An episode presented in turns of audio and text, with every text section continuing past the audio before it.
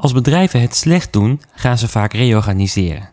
Meestal zie je dan dat de directeur zegt dat ze zich tot de kerntaken gaan beperken, of iets van die strekking.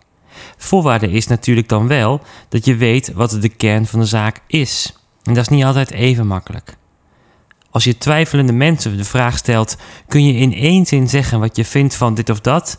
Dan is de kern van de zaak vaak het woordje uh, aan de andere kant. Als je juist heel gepassioneerd bent over iets, dan is het weer heel erg makkelijk.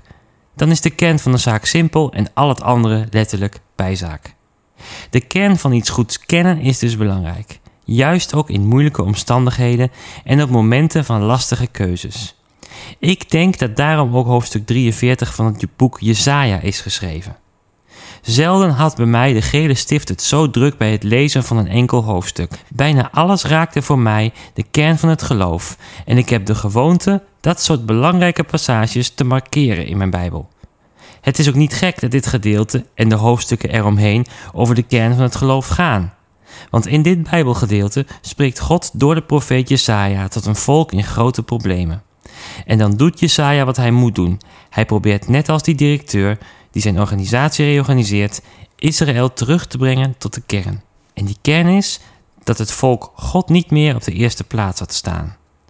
Dat het volk de kern van de zaak uit het oog was verloren.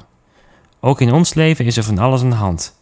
Makkelijk verliezen wij het zicht op waar het echt om gaat.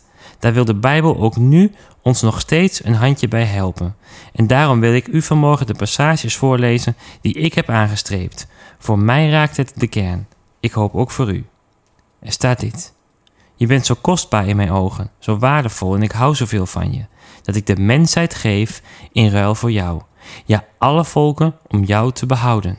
Breng mijn zonen terug van verre, mijn dochters van de einden der aarde, allen over wie mijn naam is uitgeroepen, en die ik omwille van mijn majesteit geschapen heb, gemaakt en gevormd. Voor mij is er geen God gevormd, en na mij zal er geen zijn. Ik, ik ben de Heer, buiten mij is er niemand die redt.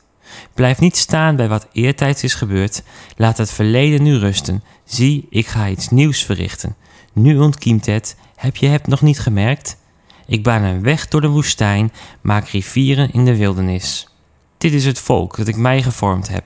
Het zal mijn lof verkondigen.